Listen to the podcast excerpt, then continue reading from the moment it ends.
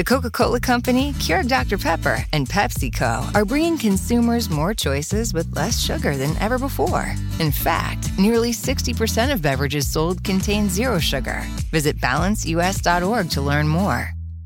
Privacy policy and terms and conditions posted at textplan.us. Texting enrolls for recurring automated text marketing messages. Message and data rates may apply. Reply stop to opt out. The pandemic has been hard on all our kids. New studies show more than one in three children who started school in the pandemic now need intensive reading help. That's right. Millions of kids in kindergarten through third grade in the United States cannot read at grade level. Here's the good news. Your child can be reading in just 30 days, guaranteed, with Hooked on Phonics. Even if your child has been struggling, Hooked on Phonics will teach your child to read in just 30 days, guaranteed. And right now, you can get started for just $1. Text the word grade to 323232 right now. Hooked on Phonics is highly effective and incredibly fun, and everything can be done right from home and in less than 20 minutes a day for more than 30 years. Hooked on Phonics has been the proven learn to read program that kids love to use. Text grade to 323232 and teach your child to read in just 30 days, guaranteed. Text grade to 323232 right now and get started for just $1. Text grade to 323232 now. Text grade to 323232. Ze snu wyrwała nas Anita. Ściśle biorąc, wyrwała Alicję. Reszta osób obudziła się niejako wtórnie, ponieważ zaspana Alicja skorzystała z toalety. Oprzytomniała dopiero przy kawie, kiedy wszyscy wstrząśnięci rykiem zdążyli już zgromadzić się w salonie. Anita traciła właśnie cierpliwość przy bezskutecznych próbach porozumienia się z nią. Czy ktoś z was działa o tej porze? spytała z lekką irytacją. Nie jest już tak strasznie wcześnie, w pół do dziesiątej, a ja na dziesiątą muszę być w Helsinger, do pracy jadę. Co się to u was wyprawiało w nocy na litość boską, możecie mi powiedzieć? Macie jakiegoś nowego trupa? Skąd wiesz, że w ogóle coś się wyprawiało? Zainteresowała się niemrawo Alicja. Zdecydowałam się na kawę, tak samo jak całe towarzystwo, bo parzenie herbaty trwałoby zbyt długo i przez wybór napoju byłam niezadowolona z życia. Paweł i Beata przytomnieli szybciej. Co do trupa nie wiemy, rzekł Paweł i ziewnął.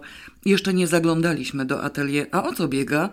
Ernest był u mnie, wyjaśniła Anita bez oporu. Złożył mi wizytę w środku nocy i domagał się adresu jakiegoś weterynarza. No owszem, wyglądał jak ofiara katastrofy, ale dlaczego weterynarz? Nie chciał powiedzieć, co mu się stało. Zrozumiałam tylko z jego jąkania, że ma to coś wspólnego z Alicją i podejrzewam udział kotów. O wypadki wścieklizny mnie pytał, no więc wpadłam do was po drodze do pracy, żeby się czegoś dowiedzieć u źródła. Mogę zajrzeć do atelier, czy wolicie sami? Mnie na trupie nie zależy, mruknęła Beata. Możesz, przyzwoliła równocześnie Alicja, wzruszając ramionami, ale musisz od góry, bo na dole zamknięte. To ja też pójdę, zdecydował się Paweł. Milczałyśmy, dopóki nie wrócili, chociaż materiał do rozważań sam się pchał natrętnie. Przystąpiłam do parzenia herbaty. Atelier zdaniem Pawła nie uległo od wczoraj najmniejszej zmianie i żadne żywe zwłoki go nie dekorowały. Do obudzenia grozy w zupełności wystarczyły kawałki manekina, wciąż poniewierające się po całym pomieszczeniu. Anita była twarda i nie zemdlała na ich widok. Więc nie, trupa nie ma, stwierdziła siadając przy stole i spoglądając na zegarek. No trudno, spóźnię się. Mogę dostać trochę kawy? Janna, skoro tam stoisz. Dała mi filiżankę wrzątku i łyżeczkę, reszta stała na stole w zasięgu ręki. Anita rzuciła się na gorący napój, niczym spragniony wędrowiec na pustyni, z tym, że wędrowiec na pustyni zapewne wolałby zimne. Alicja zdecydowała się na drugą kawę. Razem jej ulubiony płyn osiągał już prawie jedną trzecią szklanki. Zaczęła zatem odżywać. Skoro tyle zgadłaś, może wiesz też przypadkiem, po co on tu przylazł? spytałam sucho. W taki nauk wpadł, chodzi w gości po nocy. Więc jednak był, ucieszyła się Anita. I przywitały go koty. Rozumiem, słusznie się do nich nie zbliżam. Nie wiem po co przylazł. No dobrze, nie będę kłamać. Tak całkiem wiedzieć nie wiem, ale się domyślam. Zgaduję coraz więcej. Mam nadzieję przed wieczorem swoje domysły uzupełnić. Wy też możecie się trochę pozastanawiać. Właśnie cały czas się zastanawiamy, skąd miał klucz do mojego domu, poinformowała ją Alicja zimnym głosem, bo wszedł drzwiami, które osobiście zamknęłam. Anita przez krótką chwilę jakby łamała się w sobie. Gdyby miała zełgać, powiedziałaby cokolwiek bez żadnego namysłu. Najwidoczniej zatem zdecydowała się wydusić z siebie prawdę. No dobrze, niech będzie. Od Anatola. Przez te wszystkie lata Anatol dysponował twoim kluczem. Dorobił sobie. Nie domyślałaś się tego? A ty tak? A ja owszem, byłam pewna. To szkoda, że nie mogłaś mi o tym powiedzieć. Anita teraz już po odrobinie dopijała resztę kawy. Zdaje się, że parę razy namawiałam cię do zmiany zamków. Może sobie to przypadkiem przypominasz? Niezbyt dokładnie i nie podawałaś powodu. Nie będę się zajmować głupstwami dla byle czego. Trzeba było powiedzieć wyraźnie. Nie ośmieliłam się, bo i tak uważałaś, że mam skłonność do szkalowania osób niewinnych i szlachetnych, więc usiłowałam dyplomatycznie. Nalałam sobie wreszcie porządnej herbaty i nawet się jej napiłam, dzięki czemu również zaczęłam odżywać. Przerwałam im ten wstęp do pojedynku. Jeśli bez żadnych dyplomacji wyjaśnisz nam wszystko, co wiesz i czego się domyślasz, a w dodatku powiesz jeszcze skąd, bo coś mi się widzi, że wiesz więcej niż my, też ci powiemy całą prawdę. Poważnie zainteresowała się chciwie Anita. Jak Boga kocham. I jeszcze zastanowimy się wspólnie, ile z tego możesz ujawnić w charakterze sensacji dla prasy.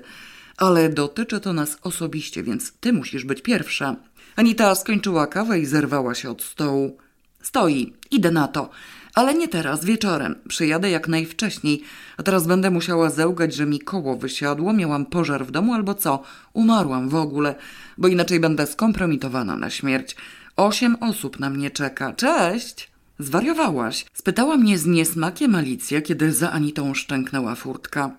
Przeciwnie, ona i tak za dużo wie, nawet jeśli nakłamie, też się z tego czegoś dowiemy. A te parę szczegółów nam nie zaszkodzi. O, nie wszystko. Zastrzegłam się czym prędzej, bo Alicja patrzyła na mnie takim wzrokiem, że można się było zadławić. O jakichś tam drobnostkach mamy prawo zapomnieć. Ona ma rację, poparł mnie żywo Paweł. Sam jestem ciekaw. Ta komitywa pasożyta z blekotem klucze sobie dają, tak dobrowolnie. Czy on na pewno zleciał bez żadnej pomocy? Ale ja doznałam wrażenia, że ona nic nie wie o ostatnim worku. Wtrąciła się nagle Beata z wyjątkową stanowczością. Tak mi jakoś wyszło z atmosfery, a to by oznaczało, że nakablował ten cały Marianek, nie ona. To też chyba warto wyjaśnić, skoro przychodzi tu i żre. Alicja słuchała w milczeniu głęboko zamyślona. Przecknęła się i ruszyła do stołu. No dobrze, podjęłam decyzję. Zjemy śniadanie. Czy ktoś z was chce jajko? Kończyliśmy śniadanie, kiedy przyjechała Marzena, dziko przejęta zarówno workiem, jak i blekotem. Nie wyrwała nam jednakże pożywienia i napoju z ust.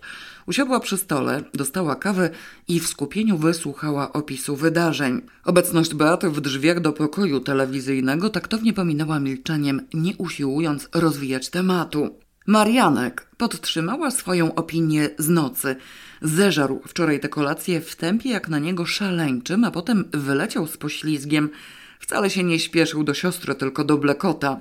Wycofuje pogląd, że to Anita. Gdyby rzeczywiście miała sitwę z Blekotem, nie przyznałaby się do jego wizyty. Nikt o tym nie wiedział i nikt jej nie zmuszał. Co ten kretyński blekot Mariankowi powiedział, pojęcia nie mam, ale wygląda na to, że włączył do swoich poszukiwań kogo popadło, wszystkich bywających u Alicji i znających jej dom. Ciebie nie, mruknęła Alicja.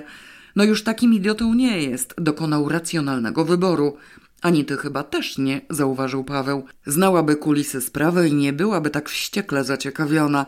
I prawdę mówiąc, nie grzebie po zakamarkach. Bo może to nie bełkot włączył Anitę, tylko Anita bełkota, powiedziała Alicja zgryźliwie. Mózg szejki, co? Nie przesadzaj. Zobaczymy, co nam powie wieczorem.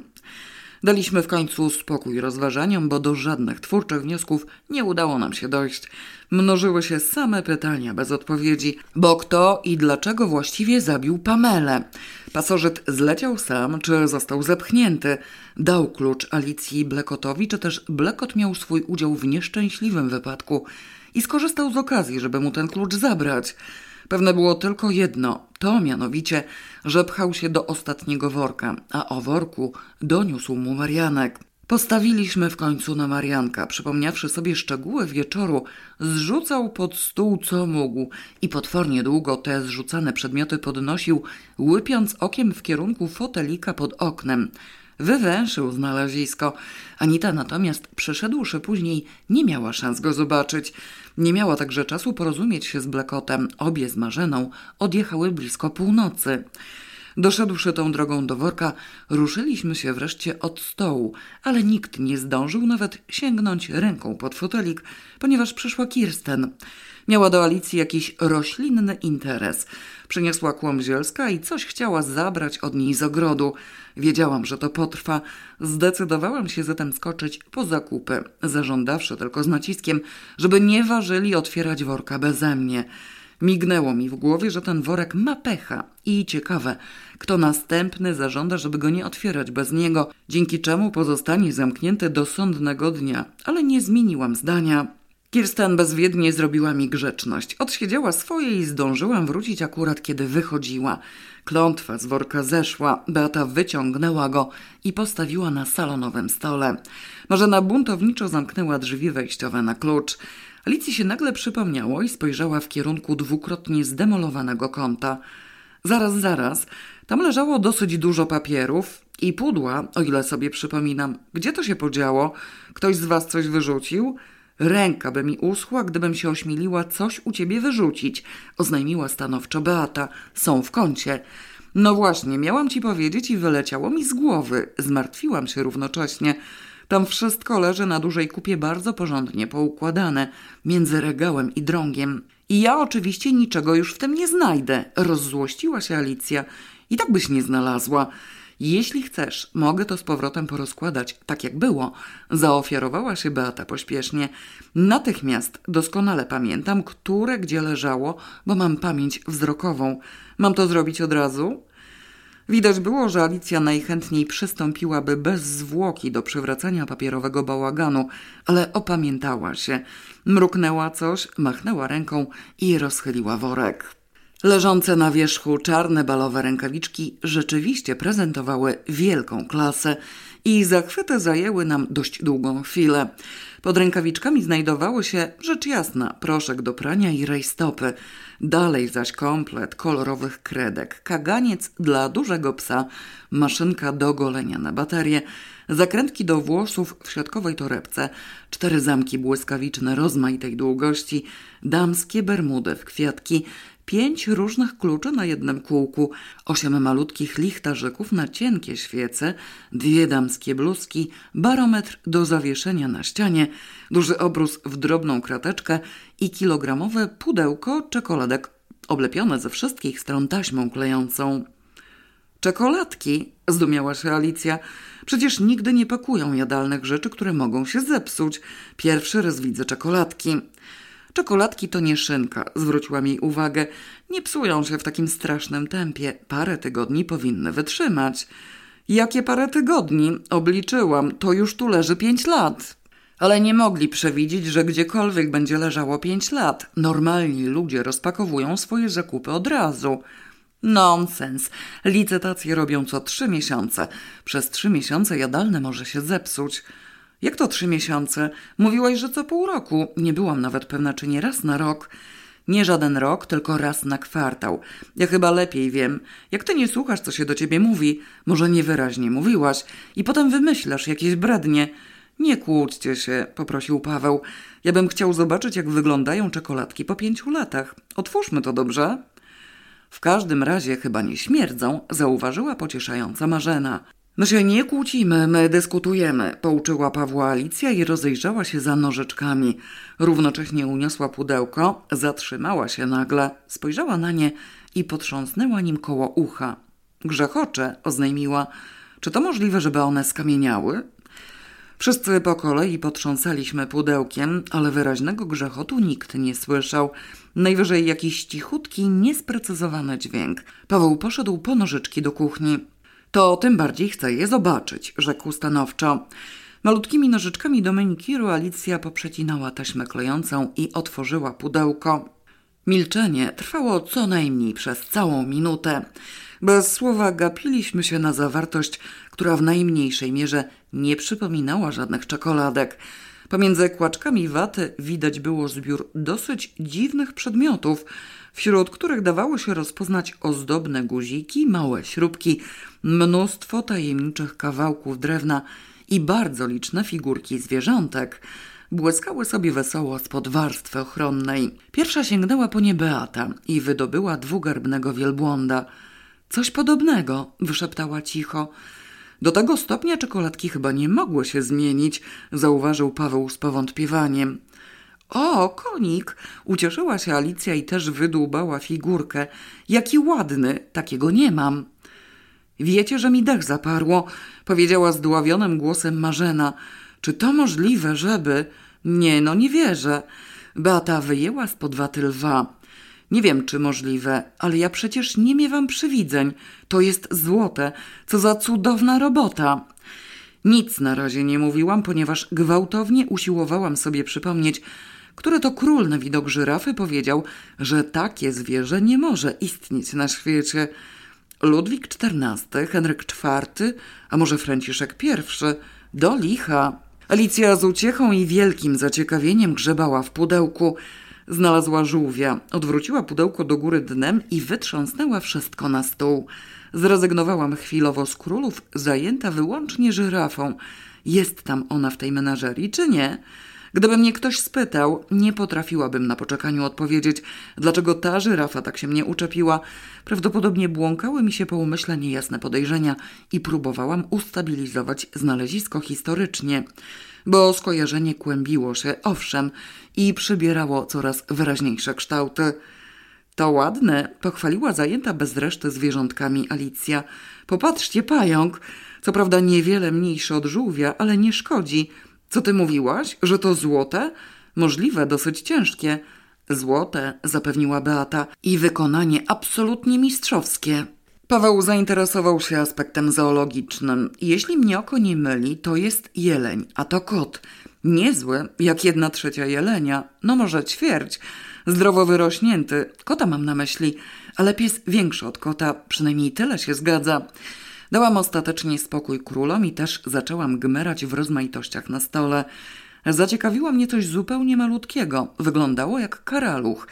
Porównałam ze świnią. Może być, o ile założymy, że świnia jest warchlakiem, a karaluch okazał się wyjątkowo dorodnym. Ciekawe, jakie rozmiary mogą osiągać karaluchy w dobrobycie. Czy wyście wszyscy zwariowali? spytała Marzena ze zgrozą. Czy wy sobie w ogóle nie zdajecie sprawy, co tu przed wami leży? Większe, mniejsze, kota macie. Mamy, powiedziała z uciechą Alicja. Paweł znalazł, o, jest i drugi, a tu sarenka, jak żywa. I krowa, i niedźwiedź rozmiarem pasuje. O, jest i wół. Nie, przepraszam, byk. A to chyba lis, nie? Z takim ogonem? Boże, Boże! Jęknęła Marzena i padła na fotel, kryjąc w dłoniach twarz. Alicja obdarzyła ją wreszcie odrobiną uwagi i wielkim zdziwieniem. Co ci się stało? Nie podoba ci się ten ogród zoologiczny? To bardzo ładne, nic nie szkodzi, że złote, niech sobie będzie. Koniki postawię w kolekcji. Są dwa. O co ci chodzi? Skrupulatnie sprawdzałam, czy nie ma żyrafy. Obmacywałam gniotłam i wytrząsałam kłaczki waty. Segregowałam i odsuwałam na bok guziki, drewienka, pogięte spinacze i śrubki. Znalazłam słonia, mysz, królika i jaszczurkę, ale żyrafy nie było. Zapewne pogląd, że takie zwierzę nie może istnieć na świecie, zataczał szerokie kręgi. Niemniej jednak jakaś drobna grupka moich szarych komórek podjęła pracę. Nie ma żyrafy, oznajmiłam gromko, zanim Marzena zdołała zastąpić jęki żywym słowem. Tego parszywego króla za cholerę nie mogę sobie przypomnieć, ale nawet gdyby to był Ludwik X, niewiara w stworzenie mogła się utrzymać. Kangura i strusia też nie ma. Australię odkryto najpóźniej. Ona ma rację. Uczyniłam gest brodą w kierunku Marzeny. Nie jest wykluczone, że zaginiona Arka Noego trafiła do kociego worka i właśnie oglądamy jej szczątki. Oszalałaś, powiedziała z niesmakiem Alicja. Możliwe, że sobie robię głupi dowcip. Nie, przerwała mi gorąco Beata. Żaden dowcip. Byle kto tego nie wykonał. Mówię wam przecież, że to jest dzieło artysty. Może ktoś gdzieś kiedyś zrobił kopię.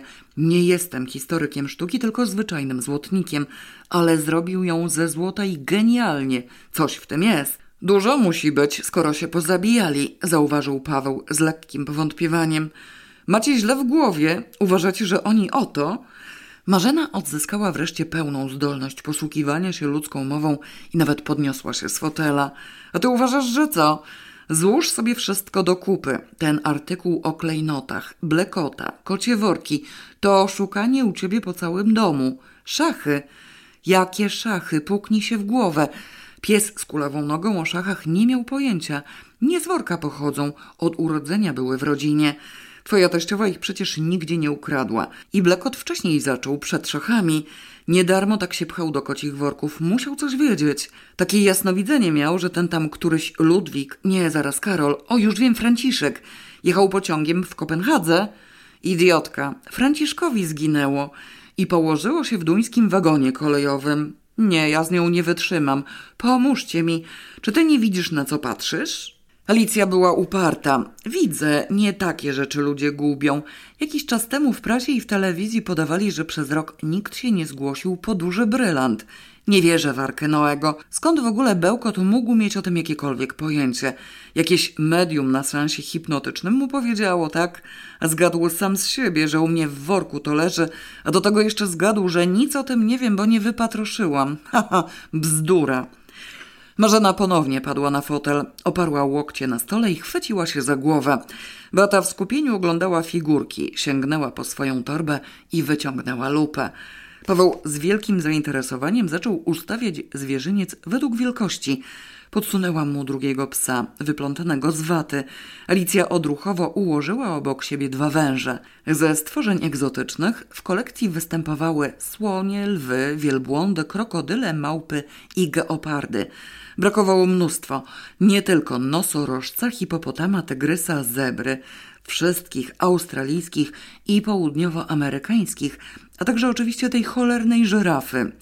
Jeśli istotnie rzeźbił tę menażerię Benvenuto Cellini, takiej na przykład hieny względnie szakala mógł osobiście nie znać, równie dobrze część jego dzieła mogła zaginąć. Ale i tak, nawet jeśli znalezisko nie stanowiło kompletu, było skarbem wstrząsającym. To jest dzieło artysty, orzekła wreszcie Beata z wielką stanowczością. Tyle mogę powiedzieć. Co do tego podrapanego blekota nie będę się wypowiadać, nie znam człowieka, ale Alicja, wszystkie wydarzenia u ciebie wskazują na usilne poszukiwania. Musiał coś wiedzieć, nie wiem skąd, ale musiał. Tu brakuje tygrysa, żubra, renifera. One były znane w Europie od wieków, więc może trochę tego się rozproszyło, wpadło mu w ręce. Blekotowi wpadło w ręce. Może od lat szukał. Ale nie upieraj się, Marzena ma rację. Odnalazłaś u siebie zaginioną arkę. Ja się wcale nie upieram, ja tylko myślę racjonalnie. Nie wierzę w znalezienie platynowych szachów. Zwariowałaś, przerwała mi z naganą i zgorszeniem. Przecież widziałaś je na własne oczy. Cicho bądź, nie przerywaj, jak starsi mówią. Oślica. Sama jesteś oślica. Nie wierzę w znalezienie we własnym domu platynowych szachów i renesansowego skarbu. Raz za razem. Jedno po drugim w jednym tygodniu. To jest sprzeczne ze zdrowym rozsądkiem i takie rzeczy się w życiu nie zdarzają. Musi w tym istnieć jakiś kant i któreś z tego nie może być prawdziwe. Na kopię się zgodzisz? Czego kopię? Sens ma tylko kopia Arkinoego. Wyobraź sobie, że na plecach frywolnej babci znalazłabyś Rembrandta, powiedzmy przy odkurzaniu. Nie odkurzam babci. Ja też z tobą nie wytrzymam. Ktoś inny odkurzał. Bywają tu takie maniaczki, chociażby Elżbieta, Ania, Marta, moja Małgosia. I Rembrandt się ujawnił. Też byś w życiu nie uwierzyła. Ale gdyby wyszło na jaw, że to kopia, nawet i dobra, ale współczesna, byłabyś już w stanie uwierzyć? Alicja zawahała się. I kto ją zrobił, tę kopię? Nie wiem, wszystko jedno. Któryś kuzyn, tu cała rodzina malarska. Uwierzyłabyś? W kopię? No może. Marzena złapała drugi oddech i znów odzyskała siły. Ale nie wyrzucaj może na śmietnik, co?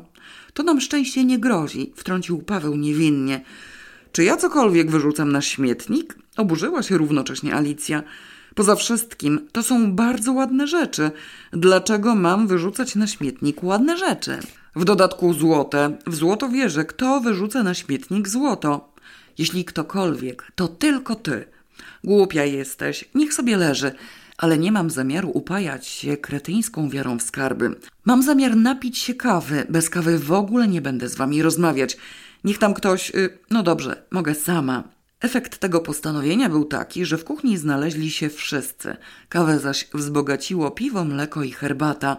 Przez chwilę rozważaliśmy sprawę przy stole kuchennym, po czym wraz z napojami przenieśliśmy się na stół salonowy, żeby nie tracić z oczu przedmiotu sporu. Owszem, Alicja miała rację. W egzystencji normalnego człowieka takie rzeczy w zasadzie się nie zdarzają. Nikomu spod podłogi nie tryska z nienacka ropa naftowa, no chyba że w Teksasie, ale znów z drugiej strony, nawet w zrujnowanej doszczętnie Polsce, facetowi posypał się z sufitu deszcz złota.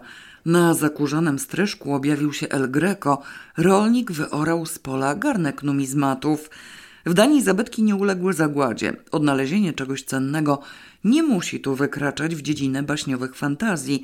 Może się zdarzyć, że ktoś na coś trafi. No dobrze, zgodziła się Alicja, ktoś może, ale dlaczego ja? A dlaczego nie ty? Identyczne pytanie mogłaby zadać każda osoba, która kupiłaby ten worek.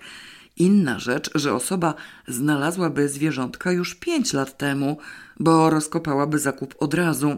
Chyba, że umarłaby po drodze do domu, podsunął Paweł. Alicja czepiała się wszystkiego. Dlaczego miałby umrzeć? A cholera ją wie, wpadła pod pociąg na przykład, to i worek wpadłby pod pociąg. Ale załóżmy, że pociąg go nie przejechał. Uczciwi ludzie zabezpieczyliby go i oddali rodzinie. W obliczu tragedii rodzina zaniedbała worek i przeleżałby w kącie Bóg wie jak długo. Znaleźliby go przy odnawianiu mieszkania. Tu często odnawiają mieszkania i robią porządki. No to co? Co no to co? No to co, żeby go znaleźli? Nie wiem, rozpakowaliby chyba, nie? Uspokójcie się na chwilę, zaproponowałam gniewnie, bo zaczęli już tworzyć całą sensacyjną akcję. Pięć lat temu nie sami uczciwi tu mieszkali, nazjeżdżało się trochę nieuczciwych. Niech wam będzie. Katastrofa. Podwędził go jakiś nieuczciwy, rozbebeszył, znalazł złote zwierzątka, ucieszył się, nie był bogaty. Skąd wiesz, że nie był bogaty? Bogaci nie pętają się po dworcach kolejowych i nie zbierają szczątków po ofiarach. Nie był. Sprzedał je zatem, może razem, może oddzielnie. I co? Jakim cudem mogłyby się znaleźć w kocim worku ponownie? Nie wydaje ci się dziwniejsze, że zgubił je najpierw jeden właściciel, poszły na licytację w worku, po czym zgubił je drugi, kolejny właściciel i w dodatku obaj musieliby je gubić w pociągach? Co za brednie wygadujesz? skrzywiła się Alicja. Do czego ci w ogóle to całe gubienie? Mnie do niczego, to ty się czepiasz. A zwracam ci uwagę, że takiego sezamu znowu nie posiadasz. Srebra po ciotce i biżuterii ze dwie łyżki od zupy. Wielkie mecyje. Teraz ci się znalazły platynowe szachy i złote zwierzątka. Owszem, dzieło sztuki, ale na tym koniec. Nie ma co wpadać w euforię. A kto wpada? Wszyscy. Nikt. To ty tak to traktujesz, jakby trzeba było wpadać. Nic podobnego wcale nie traktuję, po prostu nie wierzę. I twoja niewiara właśnie świadczy, że uważasz to za przedmiot do wpadania. Przestańcie się wreszcie kłócić o głupoty, zażądała z energią Marzena. Bo ja tu myślę, a wy mi okropnie przeszkadzacie. Nikt się nie kłóci, zaczęła Alicja, ale została zagłuszona. Razem Marzena i Paweł przypomnieli nam ciąg wydarzeń. Blekot woził ze sobą czasopismo z artykułem o zaginionych skarbach. Tajemnicze osoby zaczęły grzebać w domu Alicji. Wyszło na jaw, że oprócz Blakota brali w tym udział Pamela, Pasożyt i Marianek. Wszyscy pchali się do kocich worków. Ryki wychodka ułatwiały im zadanie. Pamela i pasożyt przestali się liczyć z przyczyn natury wyższej. O tym ostatnim worku Blakota powiadomił Marianek. Koty wkroczyły do akcji i uratowały cenne mienie. Wszystko poniekąd logiczne. Natychmiast pojawiły się pytania, z tym, że kolejność ich wypadła nam nieco chaotycznie. Skąd Blekot wiedział, gdzie szukać zaginionej Arki Noego? Czy ta odnaleziona w worku Arka Noego stanowi całość, czy też częściej zaginęła w mrokach dziejów? Czy on specjalnie szukał menażerii, czy też czegokolwiek z owego artykułu, bo może miał nadzieję na diamenty królowej Wiktorii, albo na pierśnik Klemencji, albo może szmaragdy Cecylii Renaty? Kto zgubił w pociągu złote zwierzątka? Kto zabił Pamelę i dlaczego? Kto zepchnął pasożyta ze schodów i jeśli nie zleciał samodzielnie? Co łączyło Mariankę z Blekotem i od kiedy? U Alicji nie spotkali się nigdy. Wiekiem różnili się o całe pokolenie.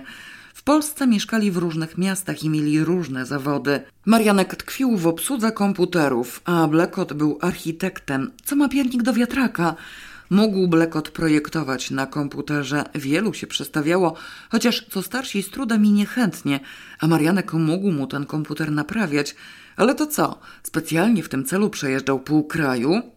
Czy Blackot nie miał przypadkiem takiego hobby, bo może maniacko poszukiwał zaginionych drogocenności jak popadnie z bursztynową komnatą na czele? Skąd do diabła wiedział, że Alicja nie rozkopuje wszystkich worków od razu i co w tym całym interesie robi Anita? Spisaliśmy sobie porządnie wszystkie pytania, bezskutecznie usiłując znaleźć odpowiedzi. Większość ich wyglądała negatywnie. Najgęściej pojawiały się nieprawdopodobieństwa i niemożliwości. Udało nam się wykluczyć tylko jasnowidzenie. Prosiłam, żebyście porządnie przeczytały ten artykuł, powiedziałam z wyrzutem. Może tam było coś, co nasuwało jakieś konkretne wnioski. Może ostatni posiadacz, może dawne podejrzenia, może współczesny błysk. Niech szczeciną porosnę, jeśli cokolwiek dokładnie pamiętacie. A kto powiedział, że Blekot opierał się tylko na tym jednym artykule? Zaprotestowała natychmiast Alicja. Może już wcześniej coś czytał albo słyszał. Biografię Benvenuta Celliniego podsunęła skruszona Marzena. Benvenuto Cellini napisał autobiografię. Wytknęłam pełna rozgoryczenia i zła na siebie. Ściśle biorąc, podyktował – Niestety nie czytałam, czego właśnie odżałować nie mogę, ale ta cała biblijna kolekcja mogła w jego mniemaniu stanowić drobnostkę i może jej nawet nie dokończył, więc pominął z niesmakiem. To po pierwsze. A po drugie, przy dalszym ciągu go nie było. Nie mógł przewidzieć, że ktoś podwędzi i naprawdę śmierdzi mi tu Diana de Poitiers, co nie ma najmniejszego znaczenia, bo i tak nic nam to nie daje. Było coś, odezwała się Beata z natężeniem wpatrzona w narożną szafę Alicji wypełnioną eleganckimi kieliszkami.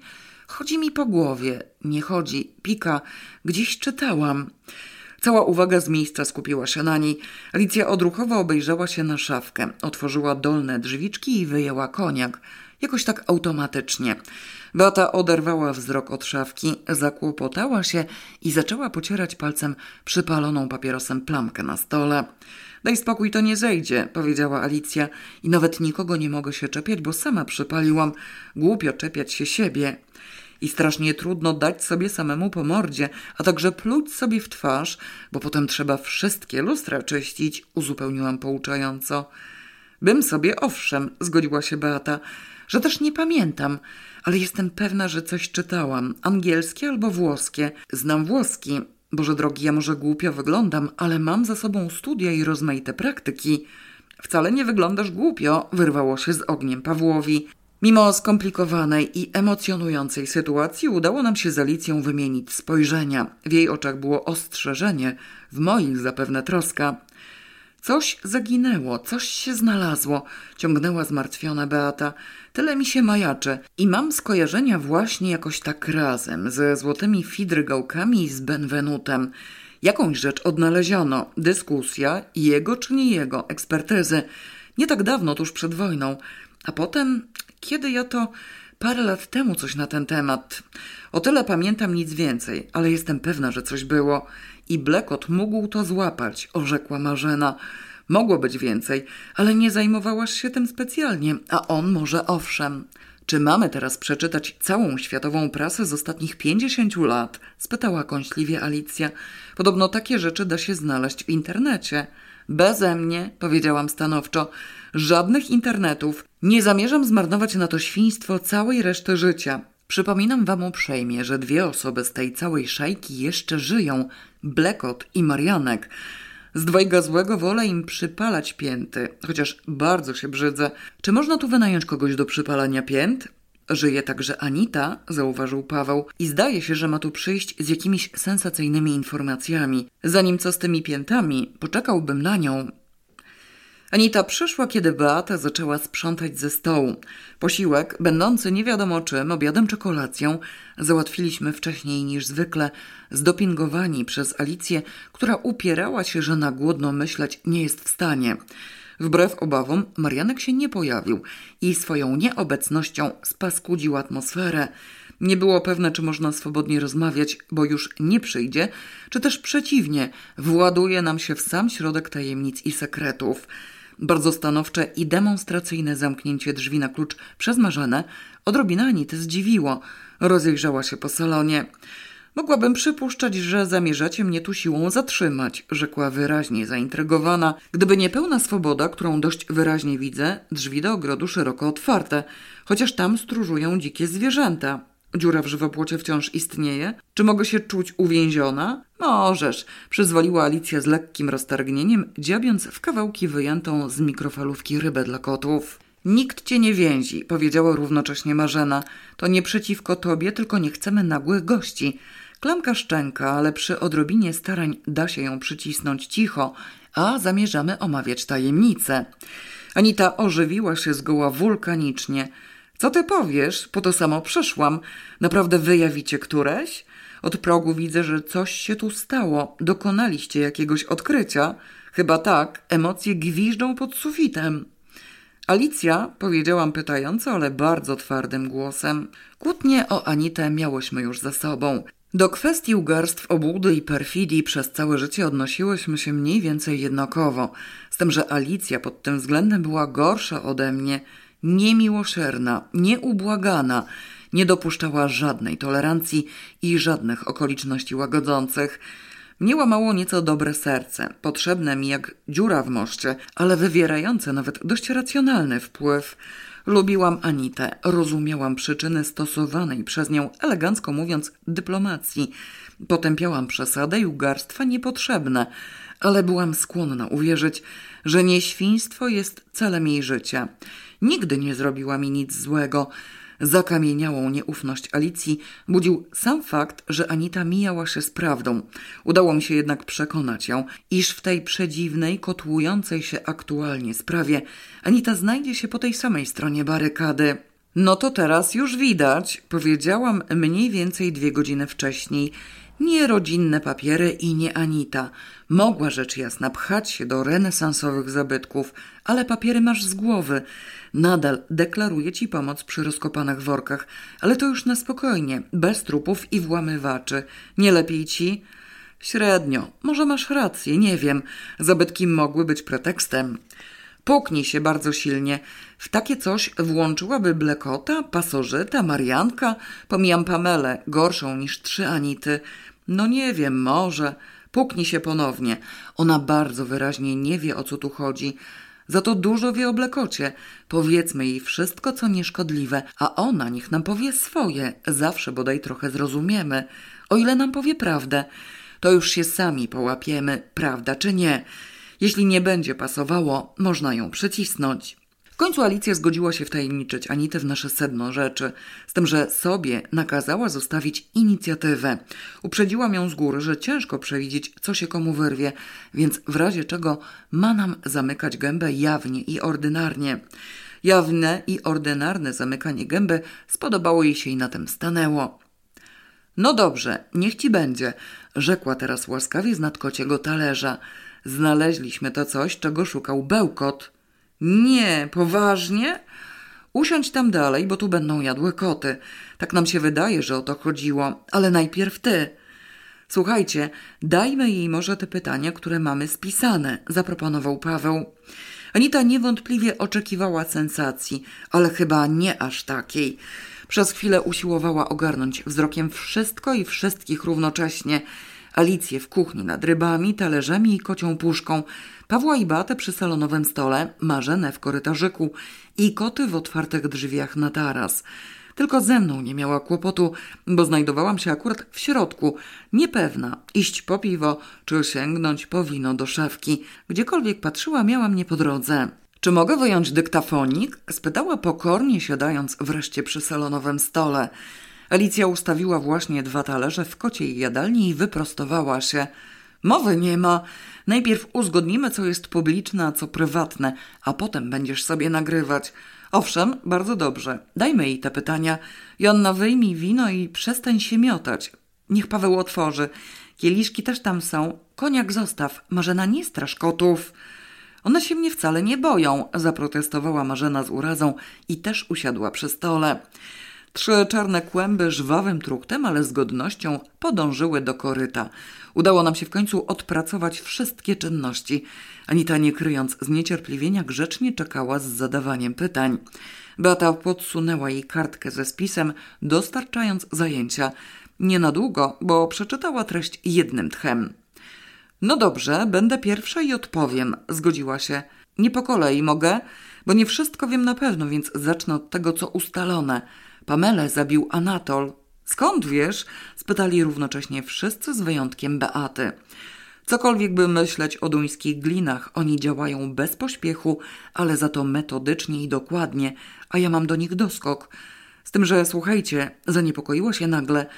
Liczę na to, że raz, dwa, trzy, troje z was farby nie puści, bo nie znacie języka. Alicja kryminalnych afer nie cierpi i w ogóle ma zwyczaj milczeć o wszystkim, a Marzena, o ile wiem, nie ma w głowie trocin, tylko rozum.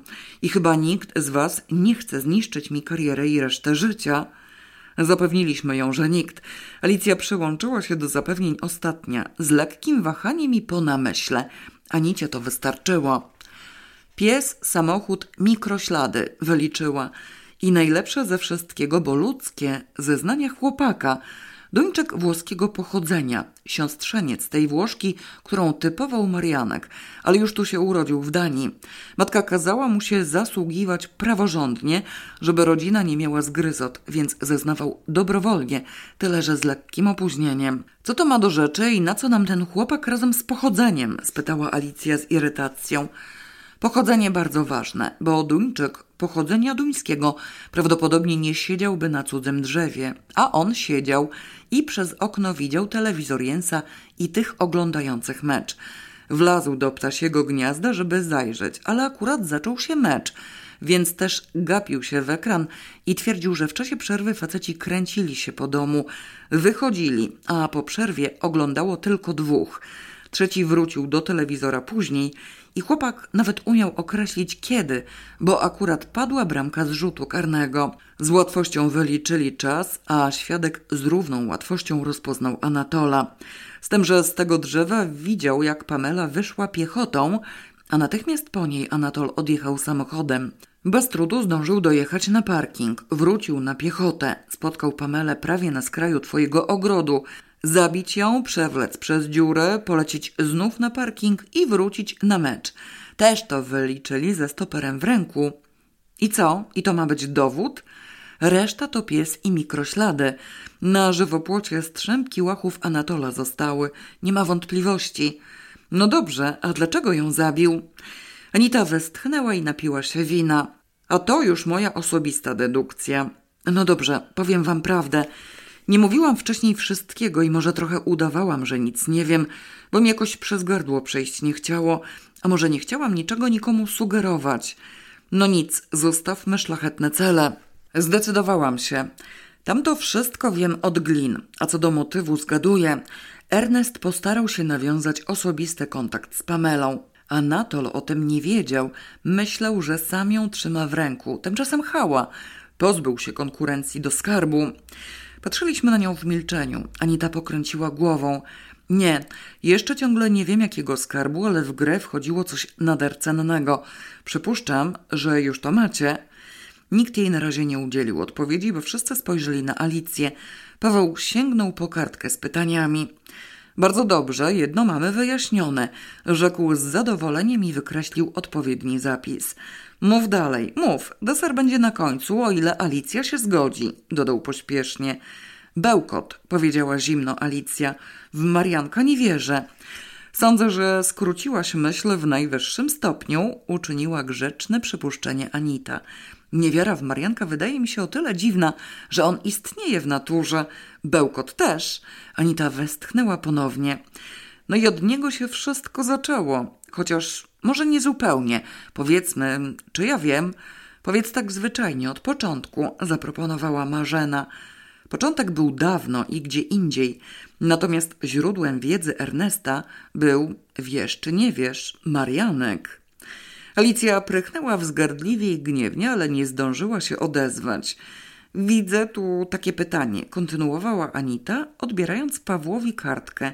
O, skąd Blekot wiedział? Otóż informuję was z całą odpowiedzialnością, że wszystko o Alicji Ernest wiedział od Marianka. I na własne uszy słyszałam, jak Marianek mu opowiadał o jej zwyczajach. Co prawda akurat chodziło o jajka na miękko, ale do jajek przyplątał się jakiś zaginiony spis roślin i równie zaginione cebulki i nasiona. Wnioski mogły nasuwać się same, co ja mówię. Wnioski runęły wodospadem, szczególnie, że później Ernest mnie pytał. Upewniał się, czy to wszystko prawda i czy Marianek nie kręci. A ty mu oczywiście powiedziałaś. A ja mu nakłamałam, ile mogłam, bo trochę mi się naraził i byłam w odpowiednim nastroju. Poza tym usiłował ukryć, po co mu to potrzebne, a tego to ja bardzo nie lubię. Pomijając już drobny fakt, że nigdy u Alicji nie mieszkałam i pełnej wiedzy o niej nie posiadam. Marianek przerasta mnie pod tym względem o całe Himalaje. Paweł sięgnął po kartkę i w milczeniu wykreślił następny punkt. Zlekceważyłam w pierwszej chwili tę prasę Jasia, mówiła dalej Anita. Ale jak wiecie, od kwietnia dużo podróżowałam i jak to zwykle bywa, jeśli na człowieka coś się pcha, to już hurtem. Nadziałam się u znajomego złotnika w Warszawie na prześlicznego złotego renifera. Od słowa do słowa zgadało się, że miał także parkę pawi, ale kto się kupił.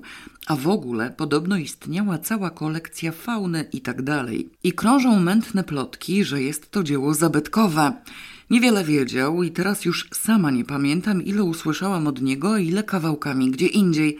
Dopiero tutaj zaczęłam mieć właściwe skojarzenia.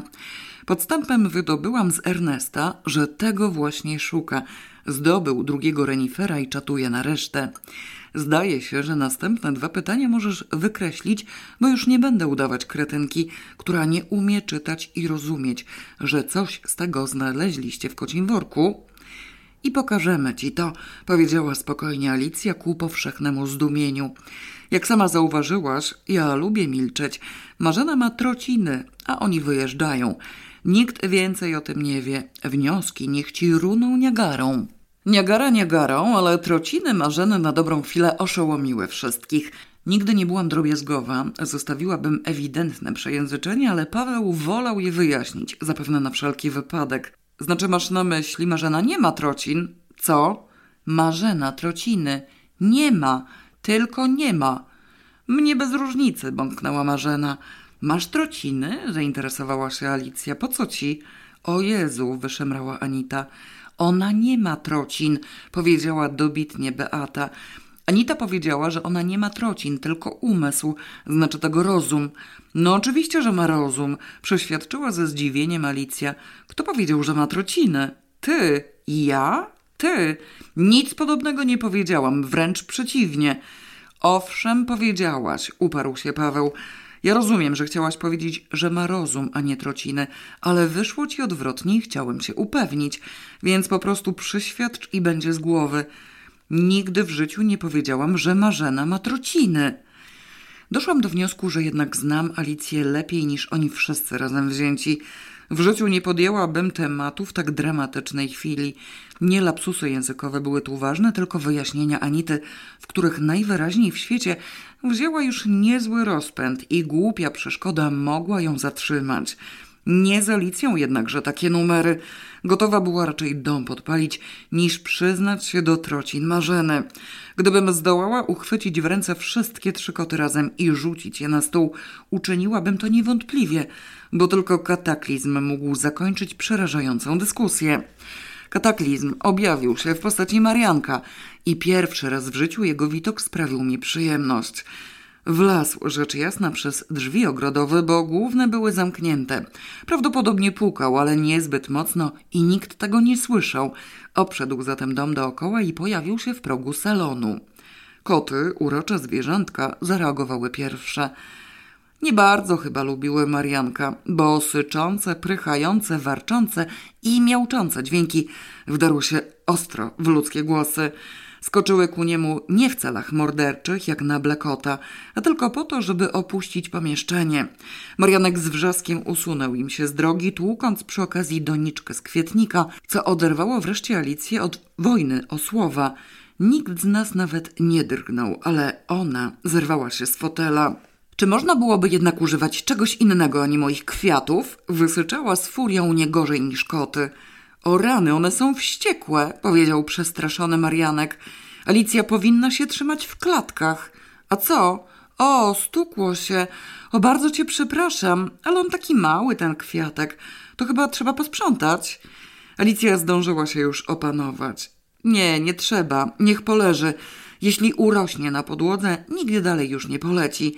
Kto ci pozwolił wchodzić tędy? Przecież z tamtej strony jest zamknięte, zdziwił się Marianek. A jak ci się zdaje, dlaczego jest zamknięte? Nie wiem, może po prostu zapomniałaś otworzyć przez roztargnienie. Do tego stopnia roztargniona nie jestem, a jeśli drzwi są zamknięte, znaczy to na ogół, że nie należy wchodzić. Po to właśnie je zamykam, żeby nikt nie wchodził. Nie przyszło ci to do głowy? Nie, wyznał szczerze Marianek jeszcze bardziej zdziwiony. Dlaczego? Tyle was jest, że jedna osoba mniej, jedna więcej nie powinna już robić różnicy, tak? Wpadła mu w słowo Anita. Marianek dał nam jakoś do zrozumienia, że owszem, coś w tym rodzaju miał na myśli. Rozejrzał się. Żadnego pożywienia już na wierzchu nie było. Poprzestał zatem na kawie ze śmietanką, przyciągnąwszy sobie krzesło od kuchennego stołu. W salonowej części pomieszczenia zaczęło się robić trochę ciasno. W dodatku zapanowało dość okropne milczenie. Zdaje się, że wszyscy gwałtownie obmyślali sposób pozbycia się go możliwie dyplomatycznie i taktownie, bez ujawnienia całej prawdy i bez uciekania się do czynów brutalnych. Osobiście żywiłam obawy, że będzie czekał na posiłek, który mieliśmy już za sobą i wręcz skłonna byłam wyjąć z lodówki cokolwiek, żeby to zjadł i poszedł w diabły. Wywiezienie go przez Anitę nie wchodziło w rachubę, ponieważ Anita stanowiła w tym momencie, można powiedzieć, centralną postać i musiała pozostać na miejscu. Rozstać się bez zakończenia rozmowy za nic w świecie. Marianek niczego szczególnego w atmosferze nie zauważył – o, co tam macie? Zaciekawił się, wyciągając szyję w kierunku leżącej przed Anitą listy pytań. Gówno, odparła grzecznie Marzena i zgarnęła kartkę ze stołu. Marianek był zgodny. No tak, możliwe. A worki? Te kocie? Alicja, masz jakie nowe worki? Pod oczami, wyrwało się Pawłowi. Nie, mnie idzie o te takie kolejowe. Znalazłaś co? A właśnie, ożywiła się Alicja. A propos znalazłaś, czy nikt z was nie widział mojego zęba? Dziś rano gdzieś mi zginął. Prawa górna piątka, nie mogę sobie przypomnieć, gdzie go położyłam. W łazience poinformowała ją Beata, sięgając po papierosy. Na oknie za wanną. Firaneczka go trochę zasłania. Odsunęłam ją, żeby mieć więcej światła i zobaczyłam ząb. Chyba nadal tam leży. O ile nie wleciał za wannę, ale nawet jeśli wleciał, nigdzie dalej nie pójdzie, niech leży. No, a ja taki byłem ciekaw, ciągnął swoje Marianek, bo tam może być coś ważnego w tych workach, albo co? Może ci pomóc szukać? Przerwałam mu. Skąd ty właściwie znasz Blekota? spytałam znienacka. Blekota? zdziwił się Marianek. Ernesta, podpowiedziała Anita. Ernesta? No tak, znam go. O, już dawno, z piętnaście lat temu on robił dla jednego znajomego obok nas cały taki wielki obiekt, no taki wczasowy i romansował z moją ciotką. Ona była wtedy 15 lat młodsza i całkiem na chodzie, no i tak jakoś wszyscy się zaprzyjaźnili. Szczególnie zapewne mąż ciotki z Ernestem wtrąciła znów Anita z sarkazmem tak delikatnym, że prawie niedostrzegalnym. Skąd wiesz? zaciekawił się Marianek. Bo faktycznie, owszem, i w ogóle. Kolejne pytanie zyskało odpowiedź. Paweł łypnął okiem na kartkę trzymaną przez Marzenę pod stołem, ale zaczekał z wykreślaniem. Nie popuściłam. I tak często tam u was bywał? No pewnie, przecież to nad morzem.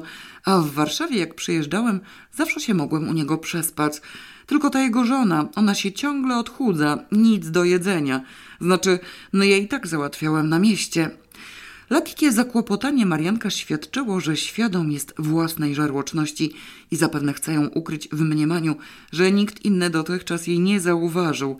Nie wyprowadzałam go z błędu. Starannie obmyśliłam pytanie, które pozwoliłoby wydusić z niego więcej, nie dostarczając zarazem żadnej wiedzy, co wcale nie było łatwe, bo jednak wbrew pozorom Marianek totalnym idiotą nie był, ale nie zdążyłam już się odezwać. Anita nagle zerwała się z fotela. To ja jadę, ty nie, machnęła ręką w stronę Marzeny i zwróciła się do Marianka. Ciebie mogę podwieźć, jazda, idziemy. Marianek tak zgłupiał z zaskoczenia, że podniósł się z krzesła. Anita złapała go za rękę i pociągnęła ku wyjściu na taras. Bliżej było i otwarte. Stwarzało szansę błyskawicznego wywleczenia go z domu. Wywlokłaby zapewne, bo Marianek dał się ciągnąć bezwolnie, gdyby nie koty. Ujrzał je nagle, siedzące na zewnątrz. Szarpnął się do tyłu i wyrwał rękę ze szponów Anity. O nie, tam są te dzikie zwierzęta. Ja nie jadę, Alicja. Rzuciłam się do drzwi wejściowych w obawie, że rodząca się już cudowna sytuacja ulegnie załamaniu. W celu przekręcenia klucza Anita będzie musiała puścić Marianka. Cholerny zamek Alicji wymagał obu rąk, a i to jeszcze łatwiej było złamać palec niż otworzyć. Anita przypomniała sobie zapewne, że koty i jej nie kochają przesadnie, bo z łatwością zmieniła kierunek. Udało nam się zgrać poczynania. Złączona para wybiegła tak, że przypominało to ucieczkę z płonącego domu. Ona zaraz wróci, powiedziała Alicja spokojnie. Mam nadzieję, że uda jej się wypchnąć go z samochodu. Mruknęła Marzena i wyjęła spod stołu kartkę. Paweł, wykreślaj, chyba mamy szansę, bo czegoś chce i nie dostanie bez wyjawienia prawdy. Anita wróciła po dziesięciu minutach i padła na fotel przy stole. Powiedziałam mu, że kolacja u was już była i drugiej nie będzie, oznajmiła, więc chyba mamy go z głowy. Na czym stanęliśmy? Bo mam wrażenie, że latała mi przed nosem wielka sensacja i od ust została odjęta. Czyżby apetyt Marianka był zaraźliwy? Zaciekawił się Paweł. Jemu też od ust. Alicja zdecydowała się pokazać ci kocie zdobycze, przypomniała Beata pośpiesznie. A ty, jak zrozumiałam, będziesz o tym strasznie milczeć. Alicja, czy ja dobrze mówię? Bardzo dobrze, pochwaliła Alicja i dolała sobie kawę z dzbanka, nie ruszając się z krzesła. Przez chwilę wszyscy patrzyli na nią pytająco. No, popędziła ją niecierpliwie Anita. A gdzie ja to położyłam, ktoś pamięta? O, matko jedyna. No tak, robiliśmy tę idiotyczną kolację. Wszyscy w tym uczestniczyli, każdy pomagał, ktoś sprzątał ze stołu. Kiedy zastanawiałam się nad piwem i winem w chwili przyjścia Anity, zawartości kociego worka na stole już nie było. Kto ją zagarnął i gdzie wetknął? Marzena nagle pochyliła się, sięgnęła pod kanapę i z pewnym wysiłkiem wyciągnęła worek. Wytrząsnęła go nad stołem. Zgadzało się. Było w nim wszystko z rękawiczkami na czele, z wyjątkiem pudełka po czekoladkach. Alicja a czy ja mówię, że nie? zirytowała się Alicja. Miałam to w ręku, owszem, duże, odłożyłam. Nie wiem gdzie, skąd mam wiedzieć? Tu nie leży? Rozejrzała się wokół siebie. Anita siedziała w fotelu, jakby ją gryzły w odwłok. Z napięciem wpatrywała się w nas wszystkich kolejno. Doświadczenie podsunęło mi jedyną właściwą drogę dedukcja. Przypomnijcie sobie wszyscy, co ona robiła, bo sama z pewnością nie pamięta. Kto schował worek pod kanapę? Ja, przyznała się Marzena, ale pudełka nie ruszałam. Kto zgarnął te wszystkie śmieci do pudełka? Alicja prychnęła gniewnie. Przecież mówię, że ja i mówię, że miałam je w ręku. Telefon nie dzwonił? spytała niespokojnie Anita. Nie, telefon nie. Paweł schylił się, pomacał półeczkę pod stołem i pokręcił głową. Zaczęliśmy myśleć na głos. Beata z Marzeną nakryły stół. Paweł wysunął deskę. Razem z Alicją wyjmowałam produkty spożywcze z lodówki. Alicja podgrzewała mięso w mikropiecu. Marzena zabrała nam spod ręki pomidory i paprykę. Pokroiła je na stole na kuchennym bufecie, dokroiłam trochę kartofli do sałatki. Alicja wyciągała coś jeszcze, w tym zlodowaciałą na kamień rybę dla kotów. Tknęło mnie. Udałam się do kuchni i zajrzałam do zamrażalnika. Oczywiście, na resztkach ryby leżało pudełko po czekoladkach. No, nie przepadłoby na zawsze, bo jednak koty jedzą codziennie, powiedziałam pocieszająco i chwalić Boga mróz temu nie szkodzi. Mogę? spytała Anita chciwie i zachłannie, a ręce jej się same wyciągnęły do wieka. Przez długą chwilę w milczeniu wydłubywała i oglądała artystyczną faunę. Potem obejrzała drewienka, śrubki, spinacze i guziki. Złapała dech. Nie będę się nawet siliła ukrywać zazdrość, powiedziała i zmarszczyła brwi. Ale Alicja, mnie to wygląda na zabawkę dla dziecka. Popatrzcie, z tych drewienek można poukładać zwierzątka. No, trochę są zepsute i połamane, ale do tego służyły. Takie to robi wrażenie, jakby ktoś dał to dziecku do zabawy. Wszystko jak leci. Drewniane i złote. Śmietnik. Jakiś debil, zainteresował się Paweł. Nie uwierzył w złoto, zgadła Marzena. I dziecko to zgubiło w pociągu. Może jednak posegregować przedmioty, co? Zaproponowałam nieco zgryźliwie. Oddzielnie spinacze, oddzielnie Benvenuto. Alicja, zdaje się, że masz w domu kilka pudełek. Wydobyliśmy wreszcie całą kolekcję ze śmieci, nie zamierzając już mieszać dzieł sztuki z połamanymi zabaweczkami. Anita miała rację, szczątki zabawek, ale przecież pierwotnie złoto zabezpieczone było watą. Jak to wobec tego zrozumieć? Dobrze, powiem wam resztę, zdecydowała się nagle Anita.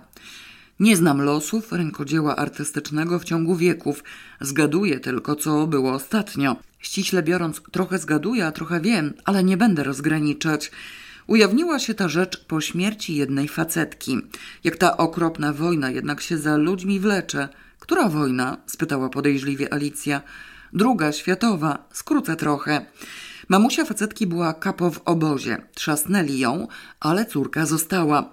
Dziewczynki nikt się nie czepiał, co mamusia z obozu przywiozła czy przysłała. To jej zostało i miała z czego żyć. Nie chwaliła się pochodzeniem mienia. Umarła. Krewni rzucili się na spadek. Zresztą nie wiem, powinowaci może przyjaciele. Własnych dzieci nie miała. Ktoś to ukradł. Kto? Diabli wiedzą. Podejrzenia padły na gastarbajterów odnawiających dom. Z powinowatych jakaś jedna sztuka wiedziała, że ona coś takiego ma i podniosła krzyk, ale gastarbajterów już nie było. Prasa pisała niewiele, telewizja troszkę pyskowała, wystrzegać się nielegalnych imigrantów i tak. Powinowata sztuka zamknęła gębę, bo przedmiot z niewłaściwego źródła. W dodatku nie umiała ściśle określić, co to takiego było. I gdzie to się działo? Blisko północne Niemcy. Złodziej bez trudu mógł przyjechać do Danii. Bał się zapewne, może miał rodzinę przy boku. Ukrył łup w zabawkach dziecka. Teraz mi to przyszło do głowy. Tak jak przy różnych okazjach chowało się trefne rzeczy w becikach i w łózeczkach dziecinnych. Chociażby Scarlett O'Hara. Dziecko zgubiło w pociągu, a on już się nie ośmielił do tego przyznać. Wnioskuję dalej, że Ernest wiedział o kradzieży i o dziecku. Może znał faceta, no i reszta już wygląda logicznie i konsekwentnie. Czego miał szukać, jak nie kozich worków? Paweł pozastanawiał się chwilę, przesunął do siebie kartkę i wykreślił kolejne dwa pytania. Przemawia to do mnie, orzekł stanowczo. Już nam tylko trzy zostały. Anita odebrała mu spis. Nie umiem na pamięć, usprawiedliwiła się. Pokażcie, zaraz, czy ja nie zasługuję na coś, co by tu powiedzieć ekstraordynaryjnego? Alicja, zwracam wam uwagę, że cały czas mówię prawdę, co jest trochę uciążliwe dla mojej duszy. Czy nie powinno się tego docenić? Na początku usiłowałaś ugać, że nie wiesz o arce Noego, wytknęła bezlitośnie Alicja. Co wolisz, koniak czy whisky? Sama nie wiem, ale może koniak. Wolniej się popija. Nie chce mi się wracać do domu pociągiem i zdaje się, że stoi tu pod ręką. Cholera, mruknęłam. Podniosłam się również i poszłam do swojego pokoju. Przywiozłam ze sobą słone paluszki z kruczej i kompletnie o nich zapomniałam, nie zdążywszy się jak zwykle całkowicie rozpakować. Do uczczenia Anity nadawało się doskonale. Znalazłam je na dnie torby i z triumfem zaniosłam do salonu. Po drodze zapaliłam światło na tarasiku. Alicja rozdała wszystkim kieliszki. Koty na nowo porozkładało się po rozmaitych meblach. Anita w skupieniu studiowała ostatnie pytania. Co do hobby Ornesta, żywie zaledwie podejrzenia, zakomunikowała. W kwestii bursztynowej komnaty nie słyszałam od niego ani jednego słowa, natomiast zaginione skarby owszem interesowały go. W zasadzie tylko teoretycznie, ale gdyby coś konkretnego zamajaczyło na horyzoncie, nie sądzę, żeby wykręcił się tyłem. Raczej przeciwnie. Nie jest to jednakże mania chorobliwa, tak mi się przynajmniej wydaje. W każdym razie wywęszyłam, że czegoś szuka i ma to związek z Alicją. Z artykuły wywnioskowałam, że któregoś z tych skarbów, ale co dokładnie wiedział na ten temat nie miałam i nie mam pojęcia. Wypytywał mnie o Pamelę. W jakim sensie i skąd mu się w ogóle wzięła? Chyba słyszał o niej. Może od mamusi. O rany, jakie to dobre, skąd to pochodzi? Pytanie rzecz jasna dotyczyło słonych paluszków. Przyznałam się, że przywiozłam je z Warszawy. Anita zainteresowała się źródłem. Znalazłam notes i dała mi telefon sklepu. Pouczyłam, że owszem, warto wcześniej zadzwonić i zamówić, bo ostro idą. Alicję zniecierpliwiły te interesy spożywcze. Ważne były dla niej wyłącznie trzy produkty: śledzie, kiszone ogórki i bigos. Reszta nie miała znaczenia. Zażądała teraz dalszego ciągu zeznań. I po cholerę mu była ta Pamela. Zakochał się w niej? Nie, raczej nie. On szukał osób bliskich Alicji. I to miała być Pamela. Świetnie trafił. Nie chodziło o przyjaźń od serca. Osoby, które u ciebie bywały, znały dom. Cały czas to samo. Skarb i Alicja. Tajemniczy związek. Teraz to już mało ważne, stwierdził Paweł i wykreślił hobby Blekota. Jedź dalej. Pasożyt, kontynuowała Anita. Rozumiem, że to Anatol. Nie wiem, kto go spychał. Myślałam, że właśnie wy wiecie. A co ja w tym robię? Intryguje, nie? Ponadto wysłuchuję zwierzeń, czynię spostrzeżenia, zbieram materiał do felietonu i z wielkim zaciekawieniem oglądam wyniki cudzych starań. Usiłuję być użyteczna, bo jak widać, sedno rzeczy Alicja trzyma w ręku. A propos, niech wam nie chodzi po głowie mienie po niemieckie. Poprzedni właściciel też nie kupił tego legalnie. Diabli wiedzą w ogóle, ile razy i komu to było kradzione, poczynając od Franciszka I. Ja ten artykuł przeczytałam porządnie. Jeśli jest to obiekt muzealny, należy do Francji, ale nie wydaje mi się, żeby Alicja musiała natychmiast lecieć z prezentem do Louvru. Właściwie powinni to od ciebie odkupić. Możesz być szlachetna i wyznaczyć i niską cenę. Zastanowię się, mruknęła Alicja.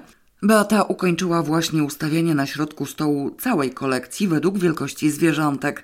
Zważywszy pewną nieprawidłowość rozmiarów, miała z tym kłopoty. Słonie były wprawdzie największe, a jeże mniejsze od lisów, ale dysonans wprowadzały pająki, myszy, karaluchy oraz coś, co po długich debatach uznaliśmy za kornika. I pozostaliśmy już przy tym korniku, mimo iż Alicja przeniosła encyklopedię zoologiczną i słownik łaciński, bo encyklopedia była po szwedzku. Z szacunkiem podziwialiśmy renesansowe arcydzieło, kiedy nagle znów odezwały się koty. Miałam już pewność, że są to kocury bardzo dorosłe, co najmniej pięcioletnie, bo kotka wykazywałaby taką bojowość wyłącznie w obronie kociąt. Tłumaczyło to zresztą brak przychówku. Od dawna wiedziałam, że kocury potrafią warczeć prawie jak psy. Od nich się zapewne nauczyły. Wiedzę okupiłam zaledwie jednym podrapianiem palca, ale dźwięk znałam doskonale. Ponownie wykryły jakiegoś wroga. Skoczył jeden, dwa nastroszyły się tylko z tym warkotem i wściekłym sykiem, ale okazało się to postrachem dostatecznym. W wejściu stał Marianek. No nie, nie całkiem stał. Tyłkiem usiłował wtulić się w zwał kwiatów na oknie po drugiej stronie drzwi. Ramieniem osłaniał twarz. Z dłoni mu coś wyleciało. Drogę odwrotu odcinał mu kot, ten, który skoczył. Chrypiał Marianek, nie kot, wyraźnie usiłując stłumić wrzask. Mógł sobie tłumić, nie miało to znaczenia. Wpatrzyli się w niego wszyscy w kompletnym zaskoczeniu i nikt z nas nawet nie drgnął. Marianek chrypiał, koty syczały. Wyglądało na to, że sytuacja nie ulegnie zmianie do sądu ostatecznego. Kici kici wyrwało mi się zachęcająco i życzliwie. Marianek jednakże w panice pchał się tyłkiem coraz bardziej na parapet z kwieciem.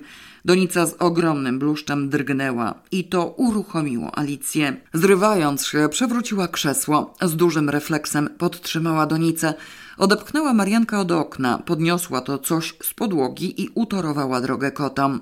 Wypresnęły na dwór bardzo niezadowolone z wieczoru. Czy siostra nie wpuściła cię do domu? spytała skąśliwym współczuciem Marzena. U Alicji ciągle nie ma miejsca. Istotnie, trochę tu ciasno przeświadczyła Alicja, rezygnując z błyskawicznych akcji i wracając do normalności. O, a to co? Obejrzała trzymany w ręku przedmiot. Przy okazji obejrzeli go wszyscy. Marianek przez palce rozejrzał się po pomieszczeniu. Widocznie nie liczył kotów i miał obawy, że któryś tu jeszcze siedzi zaczajony. Ja, ja to wezmę, bąknął i wyciągnął dłoń. Gówno weźmiesz. Przegasiła go stanowczo Alicja i odłożyła na stół krótką broń palną podniesioną z podłogi. Co to ma znaczyć? Zaczynasz chodzić z pistoletem po prośbie? Zręczne kopyto, ocenił Paweł, ale to rodzaj wiatrówki na gruby śród. Okotem wybijesz bez trudu każdemu, zapewniłam go pocieszająco. Marianek był tak zdenerwowany, że poszczękiwał zębami i zaczynał się jąkać. To, to nie moje.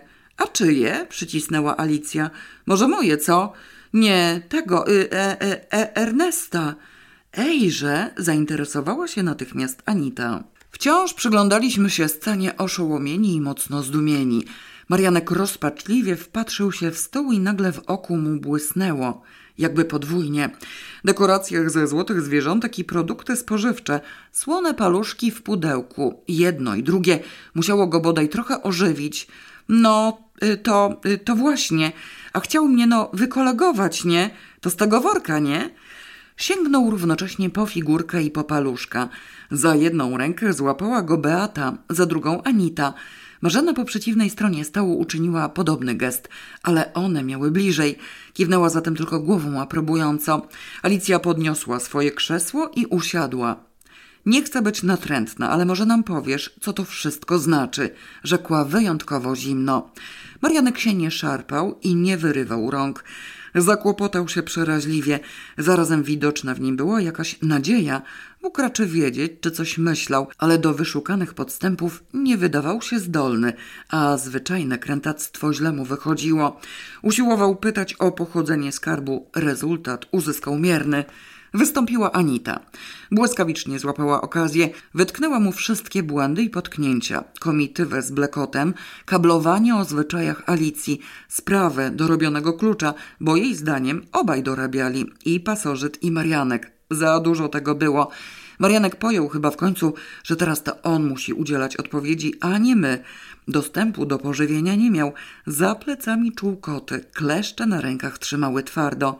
Złamał się. Z jego jąkania wynikło coś, co wprawiło nas w rzetelne osłupienie. No tak, Ernest mu kazał, a przecież sam mu powiedział o kradzieży. Znał tego gościa słabo, to nasz. Po pijanemu mu się zwierzył i potem nawet nie pamiętał. Z uznaniem pomyślałam, że Anita dobrze zgadła. Facet bał się granicy, znał tylko jedną polską. Pojęcia nie miał o innych. Pchając się do Danii, dał złodziejski łup dzieciakowi, a cholerny bachor zostawił go w pociągu. Parę lat temu to było, kiedy Marionek akurat tutaj był i przypadkiem trafił na rodaka, znanego jeszcze z Polski. Możliwe, że tam mu o tej Danii opowiadał. Zguba Marianka korciła. Powiedział o niej Blekotowi później w Polsce, przypomniawszy sobie o kocich workach Alicji. Ona jedna nie oglądała każdego zakupu od razu. Gdyby ktokolwiek inny znalazł taki skarb, nie wytrzymałby, żeby go bodaj nie ocenić u rzeczoznawcy, żeby może nie sprzedać, zainteresowałaby się prasa. A tu nic, cisza i święty spokój. Zatem kto wie, może warto spróbować. Alicja w tej całej imprezie stanowiła jedyną szansę. Blekot się zaciekawił. Wspólnie postanowili to znaleźć. Marianek wiedział, że kocie worki u Alicji leżą zaniedbane po kątach, ale zaskoczyły go teraz zmiany w jej domu, te pudła i w ogóle bałagan. W tym miejscu zeznań wyraz twarzy Alicji daleki był od życzliwości, jaką zazwyczaj mimo wszystko Marianek się cieszył. Wlazłeś tu i szukałeś? spytała drewnianym głosem. No tak, owszem, właził, bo właściwie dlaczego nie, skoro ona i tak o tym nic nie wiedziała. Wypiłeś brandy Napoleona? Marianek szczerze pogrzebał w pamięci. A nie, Napoleona to nie on. Wtedy to był Anatol. Skąd ten Anatol wiedział? Chyba od Pameli. Marianek wcale nie chciał go włączać. Miał nadzieję, że sam znajdzie. I co? spytała z naciskiem Marzena. Nic nie mógł znaleźć. Użalił się. Ernest się czepiał. To on powiedział Pameli. Myślał, że może ona. Ale Pamela z Anatolem miała sitwę, a on wszystko wywęszył. Pozbył się jej i też chciał sam. Pchał się na chama. Marianek bał się go trochę, ciągle się na niego nadziewał. Tyś go zepchnął ze schodów w atelier. Zainteresował się Paweł gwałtownie. Wcale go Marianek nie spychał, odepchnął go tylko troszkę, bo on już się zamierzał, a dalej sam poleciał. I oczywiście Marianek znów musiał uciec bez worka. O tym jednym tutaj pod krzesłem Ernestowi powiedział. Ernest przylazł osobiście i koty go poszarpały. Jak to można trzymać w domu takie dzikie zwierzęta? Kazał mu dzisiaj przyjść jeszcze raz, bo to na pewno coś się znalazło i Alicja tego jeszcze nie sprzątnęła, bo ona nigdy niczego od razu nie sprząta. Wtrynił mu tę spluwę, kazał gębę sobie zasłonić, przeszukać cały dom i w razie czego krzyczeć ręce do góry. Ale o gębie Marianek zapomniał i w ogóle myślał, że tu już wszyscy poszli spać. No i tyle. Wyjaśnił całą sprawę. Czy one mogłyby go teraz puścić? Podniosłam się, zabrałam ze stołu pudełko ze słonymi paluszkami i ukryłam je w swoim pokoju. Nie po to człowiek na te paluszki czatuje albo je z wyprzedzeniem zamawia, żeby ten kretyn od razu całą resztę zażarł. Kiedy wróciłam, Marianek pocierał sobie przeguby, żałośnie łypiąc okiem na puste miejsce po smakołyku. Filiżanki na kawę nie dostał. No, powiedział z nieskrywaną nadzieją. Wszystko wam powiedziałem, to czy teraz już mogę je zabrać? Co zabrać? Nie zrozumiała Marzena. No, te rzeczy, ten zwierzyniec. Ręce nam opadły. To już musiała być paranoja. Przypomniałam sobie nagle Marianka sprzed dziesięciu lat, kiedy najświęciej wierzył, że Alicja podzieli się z nim swoimi dochodami, żeby mógł jechać do Kalifornii. Alicja grzecznie mu wyjaśniła, że jednak woli wydać swoje dochody na własną podróż do Norwegii, czego zupełnie nie mógł zrozumieć. Myślałam wówczas, że się wygłupia, ale nie, był naprawdę głęboko rozczarowany. I teraz też, bo jak to sam wykrył istnienie skarbu, tyle się nastarał, tyle wysiłków uczynił, wszystko ujawnił, więc chyba coś mu się za to należy. Wynoś się, powiedziała energicznie Marzena. Wypieprzaj stąd i więcej nie wracaj. Jeśli jeszcze raz Alicja za próg domu cię wpuści, ja z nią przestanę rozmawiać. Anita nie wytrzymała. Cały wieczór bez intryg. To było ponad jej siły. Chyba Alicja powinna, zaczęła ze złośliwą naganą. Zamknij się. Zgasiłam ją od razu, widząc wyraz twarzy Alicji. Owszem, Alicja, ale ona to powie w takiej formie, że będzie wyglądało na zaproszenie. Przesadzasz, skrzywiła się Alicja i zwróciła się do Marianka. One obie mają rację. No dobrze, mogę nie zawiadamiać policji o tych twoich wygłupach, ale weź pod uwagę, że mam ich dosyć. To jest mój dom, a nie pole bitwy i nie po to hoduję sobie kwiaty, żebyście mnie niszczyli. Nie musisz już tu dłużej siedzieć. I nie masz czego szukać, dołożyłam. Beata jutro wyjeżdża i zabiera to ze sobą. Do ekspertyzy ona jest złotnikiem. Żadnych więcej drogocenności tu nie ma i nie będzie. A bank Alicji zbankrutował i straciła wszystkie pieniądze, więc zapomnij o jej istnieniu. Do Marianka dotarło po bardzo długiej chwili. Wyraził szczery żal i zamienił nadzieję na przygnębienie. Usiłował jeszcze ocalić jakieś szczątki i wskazał pistolet pod ręką Pawła. A to? A to zostanie Alicji na pamiątkę, zarządził Paweł. Ale Ernest, powiedz mu, żeby się powiesił. Nie musi do siebie strzelać, a ciebie może zadźgać nożem. Wizja, jak dla Marianka, była zapewne zbyt krwawa, bo wreszcie zrezygnował z wszelkich roszczeń. Poszedł. Z litości, ze względu na koty, Alicja wypuściła go drzwiami wejściowymi, a nie przez taras. Zwariowałaś? spytała z niesmakiem, wróciwszy, kiedy już z pewnością się oddalił. Dlaczego miałam zbankrutować? Żeby już nie liczył na dochody z twoich gałęzi, półeczek i nie wiem czego tam jeszcze. Inaczej w życiu się go nie pozbędziesz, a do łba, jak widać, może mu wpaść każda głupota. Anita, miałaś rację. Anita kręciła głową w uznaniu dla siebie samej. Dużo się mogłam spodziewać tu u was, ale nie aż tyle. Cóż to za urocze stworzenia te koty, ale popatrzcie, ile zgadłam. Możecie mnie nie podziwiać, sama siebie podziwiam dostatecznie. Czy te słone paluszki wyrzuciłaś do śmieci? spytał Paweł. Taka świetna zagrycha.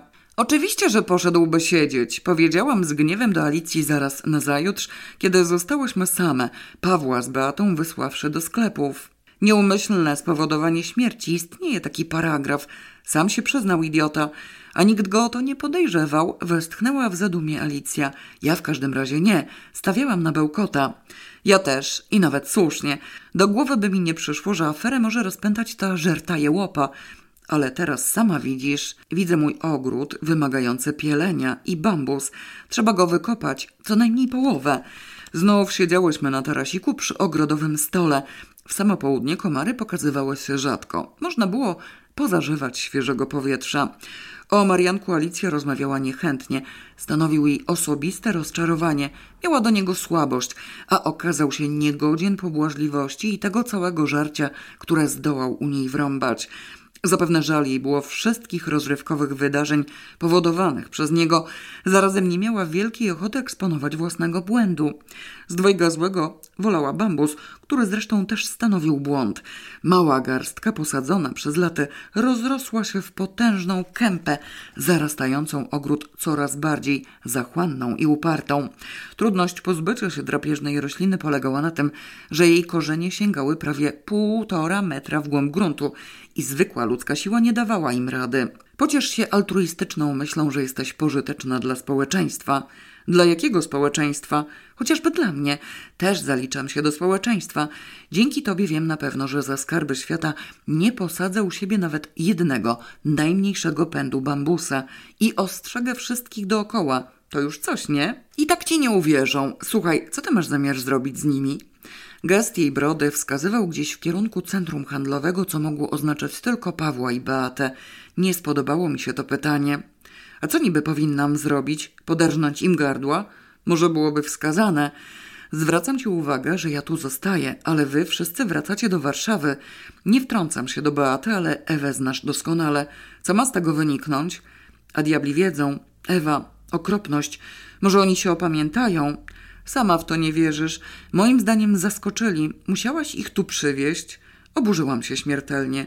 Ja? Zgłupiałaś? Sami przyjechali, przypadkiem i kompletnie bez mojej wiedzy. Nie oni pierwsi, przypomnij sobie, ile par się tu u ciebie kotłowało. Okazuje się, że prowadzę zamtus, westchnęła smętnie Alicja. Też bezwiednie. Mogłabym udawać, że nic nie widzę, ale Pawła znam od urodzenia, a Ewę prawie dwadzieścia lat. Ona to ciężko przeżyje. Będzie miała do mnie żal i wyjdę na świnie. Znajdziesz się w doskonałym towarzystwie. Razem będziemy pochrząkiwać nad korytem. Dla Ewy Paweł stanowi sens życia. Już widzę te wory proszków nasennych, które w siebie wepchnie. I w życiu nie uwierzy, że nie przyłożyłam ręki do tego cholernego romansu. Jedyne, co mogę zrobić, to zabrać stąd Beatę. Wyjeżdżam pojutrze. Rano wykopię roślinki. A, prawda, miałam ci je ukraść. Paweł mi pomoże, a Beata przez ten czas jakoś się zachachmęci. Bardzo dobrze, możesz ją umoralniać. Nie chcę. To nie. Przegnębiłaś mnie tematem. Nie wiem, co zrobić i czy w ogóle cokolwiek. Samą prawdę mówiłam. Głupio mi było śmiertelnie. Przez Ewę rzecz jasna. Czułam się winna wobec niej, być może w zastępstwie Pawła, na którym najmniejszego poczucia winy nie dawało się dostrzec. Obydwoje z Batą zakochali się w sobie piorunująco. Należało ich może powstrzymać. Związać czy jak? Lubczyk, powiedziała w zadumie Alicja i zajrzała do swojej filiżanki. O, już wypiłam? Podobno lubczyk to afrodezjak. Istnieje może jakaś odwrotność. Ciągle ględzisz o ziołach. Co do ziół nie wiem, chyba że trujące, ale słyszałam, że brom zniechęca do seksu. Tylko nie jestem pewna w jakim tempie. Wątpię, czy z dnia na dzień. Przestań się gabić w tę filiżankę jak sroka w gnat. Mogę ci przynieść kawy, bo i tak od tego fotela wypoczynkowego tyłek mi drętwieje. Podniosłam się, Alicja również. Nie, czekaj, też pójdę, bo coś mi chodzi po głowie. Obawiam się, że gdzieś tu jeszcze tkwią jakieś kocie worki. Zaczęłyśmy zbierać ze stołu filiżanki, butelki, papierosy, telefony i rozmaite inne użyteczne śmieci. Tośmy się już nasiedziały na tym świeżym powietrzu. Masz nadzieję znaleźć coś więcej? Diamenty królowej Wiktorii? Nie, ten brom. To znaczy nie zupełnie. Przypomniało mi się, że Elżbieta zostawiła kiedyś takie lekarstwo dla erotomanów. Przyjechała prosto od pacjentów i zabrała przez niedopatrzenie, a zostawiła przez roztargnienie. Nie tylko ja mam sklerozę. Nikt tu akurat nie miał seksualnego szmergla, więc gdzieś się schowałam i może teraz by się przydało. A diabli wiedzą, miałam z nimi zmartwienie, ale wynikało ono głównie z znajomości z Ewą Pawła. Julian Beaty nie spędzał mi snu z powiek. Nie znałam człowieka i stanowił abstrakcję. Ciekawa swoją drogą, że wszystkie Ewy, na jakie się natykałam w życiu, były atrakcyjne. Tutejsza Ewa to przed laty piękność. Moja przyjaciółka Ewa była śliczną dziewczyną. Ewa Pawła też piękna, nawet słabo mi znana Ewa z zaprzyjaźnionej rodziny. Wyjątkowa Zouza i gangrena również dysponowała dużą urodą. Znałam jakąś brzydką? Nie, nigdy. Ci dwoje tutaj byli dorośli i wiedzieli, co robią. Ich sprawa ale jednak w obliczu Pawłowej Ewy czułam się nieswojo. Może i rzeczywiście lekarstwo. Alicja ze zmarszczoną brwią udała się wprost do kotłowni. Jej kotłownia była duża, zawierała w sobie również pralnię, suszarnię i coś w rodzaju magazynu narzędzi. Co prawda sznurki do wieszania mokrych szmat rozciągnięte były w ten sposób, że po rozwieszeniu prania trzeba było czołgać się tam na czworakach, ale ostatecznie nikt nie musiał zwiedzać kotłowni natychmiast po wyjęciu szmat z pralki. Mógł poczekać, aż wszystko wyschnie, a schło szybko, bo kocioł grzał. Potrzymaj to, poleciła, kiedy stanęłam w drzwiach. Zabierz w ogóle i połóż gdziekolwiek, to suche. Obarczona potężnym naręczem straszliwej mieszaniny ręczników, bluzek, spodni, koszul, wszelkiej bielizny i nawet kurtek, posłusznie wycofałam się z korytarzyka i stanęłam na środku salonu. Gdzie na litość boską miałam ten cały nabój umieścić? Na własnym łóżku? Na salonowym stole? Zrozumiałam nagle kłopoty Alicji z miejscem. Należałoby to wszystko od razu poskładać, posegregować i ulokować w odpowiednich szafkach. Ale komu by się chciało? Z nadszarpniętym sumieniem zwaliłam brzemię na salonową kanapę. Jedyny mebel, na którym aktualnie nikt nie spał. Podparłam stołem i wróciłam do kotłowni. Alicja grzebała w kącie za pralką, gdzie na oko biorąc nic nie miało prawa się zmieścić. No może kilka pudełek od butów ustawionych jedno na drugim. Potrzymaj jeszcze i to, powiedziała postękując z wysiłku i wręczyła mi potężny zwój miedzianego drutu. Drut mogłam już tylko wyrzucić na dziedziniec, nigdzie więcej. Tkwiłam zatem w drzwiach, trzymając go w rękach. Można wiedzieć, czego szukasz? spytałam cierpko, bo jeśli ziół, to od razu je można wywalić na kompost. Zioła należy przechowywać w suchym i chłodnym miejscu, a tu panuje tropik. Lekarstwa zresztą też. Zaraz, odstęknęła Alicja, kładąc sobie pod nogami wielką żelazną wajchę, która robiła wrażenie uniwersalnego klucza do wszelkich możliwych śrub. Zdaje się, że chyba tak, nabieram nadziei. Może poczekajmy na Pawła, on silniejszy. Nic nie odpowiedziała. Najwidoczniej uparła się przy czymś. Jeszcze chwilę trwały jej zmagania z tajemniczą przeszkodą, aż wreszcie wściekłym szarpnięciem wyrwała coś z zapralki. To coś wydało z siebie odgłos rozdzieranej tkaniny. Alicja zaś z impetem usiadła na tyłku. O kur, stukłam sobie kość ogonową. Mówiłam na Pawła. Nie potrzeba mi tu Pawła. Zamknij się, chyba mam. Niech zajrzę. W rękach trzymała koci worek z jakąś znikomą zawartością naddarte z boku. Starannie kryjąc niecierpliwość, spróbowała go rozplątać.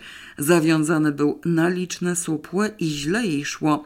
Wypatrzyłam na półce nożyce do ścinania trawy. Zardzewiałe i zapewne tępe, ale z pewnością lepsze niż ludzkie paznokcie. Dałabym jej, ale zabrakło mi trzeciej ręki. Zagniewało mnie. Albo się zbliżysz do normalności, albo ci zwalę ten zwój na głowę. Resztę życia poświęcisz na to dłubanie. Co tam w ogóle masz? Nie powiem, sama nie jestem pewna.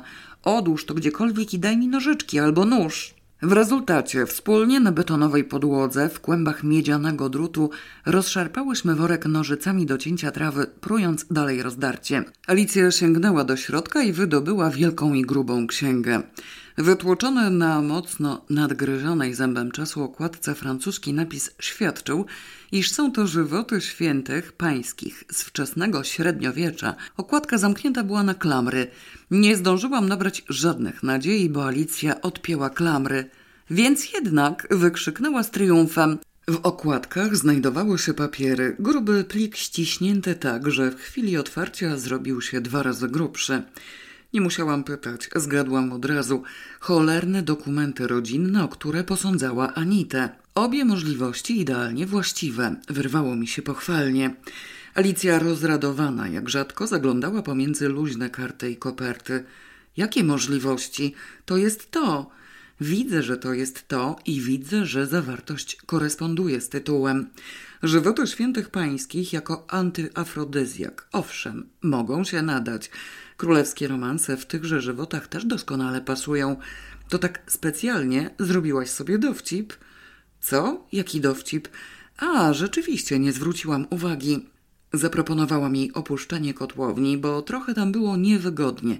Żelastwa poniewierały się pod nogami, kłąb drutu uciskał mnie w żołądek, piec grzał, a papiery z okładek zaczynały się wysypywać. Zgodziła się ze mną, tyle że przedtem należało z powrotem pochować powyciągane z zapralki rzeczy. Należało, to należało, trudno. Przewidywałam tu u ciebie ciężką pracę i wysiłki fizyczne, rzekłam smętnie, siedząc przy stole nad rozmaitymi napojami. Ale miałam na myśli raczej roboty ogrodnicze, a nie przerzucanie złomu. Do tego chłamu na kanapie już nie czuję się zdolna. Co teraz zrobisz? Właśnie nie wiem, odparła Alicja w zadumie, wpatrzona w koty na tarasie. Po jaką cholerę ja to wyciągałam? Okazuje się, że leżało bezpiecznie. A teraz co? Co ja mam z tym zrobić? Upchnąć w żywotach świętych i schować tam, gdzie było. Kiedy nie chcę się zmieścić, pamiętam jak się męczyłam przy pakowaniu. Drugi raz mam się męczyć? A tak między nami mówiąc, zdaje się, że poszłaś szukać lekarstwa na seks. Naprawdę miałaś nadzieję, że leży w kotłowni? Nie, nie wiem, coś mnie tknęło. Do diabła z tym bełkotem, przez niego wszystko. No dobrze, może masz rację. Schowam tam, gdzie było. Tylko muszę znaleźć drugi koci worek, bo tamten udało nam się pociąć na kawałki. Który by tu? Wiedziałam, który. Wciąż kołatały się we mnie straszne obawy. Ten z rajstopami i pończochami, powiedziałam stanowczo. Raz na zawsze wybij sobie z głowy repasację. Nawet gdyby istniała, są już zleżałe beznadziejnie. Osobiście ci go zaraz przeniosę. Zawartość pójdzie do śmietnika, a zamiast rajstop zapakujesz historyczne dokumenty i niech sobie przeleżą sto lat. Tych świętych owiąż sznurkiem, bo rzeczywiście spęcznieli. Rezultat był taki, że Pawła i Beatę wracających z zakupami zamurowało w progu salonu. Nie dość, że kanapa zawalona była wysuszonym praniem, ściśle biorąc, były to dwa prania, bo jednak Alicja oddzielnie prała kurtki i spodnie, a oddzielnie bieliznę i ręczniki. To jeszcze na stole spoczywał potworny kłąb starych rajstop i pańczoch. Za to tajne papiery wróciło już do swojej kryjówki. Alicja zaś starannie wybierała co gorsze torby przeznaczone na śmietnik – Pranie z kanapy elegancko poskładała Beata, szczęśliwa, że jest z niej tak wyraźny pożytek. Alicja, powiedziała Marzyna, przyjechawszy na pożegnalną kolację. Czy to chociaż pamiętasz, gdzie schowałaś szachy Jarkę Noego? Jeszcze pamiętam, odparła Alicja, ustawiając na stole przyprawy. A co? Nic. Gdybyśmy drugi raz zaczęli ich szukać, dom pójdzie w ruinę. Wolałabym nie.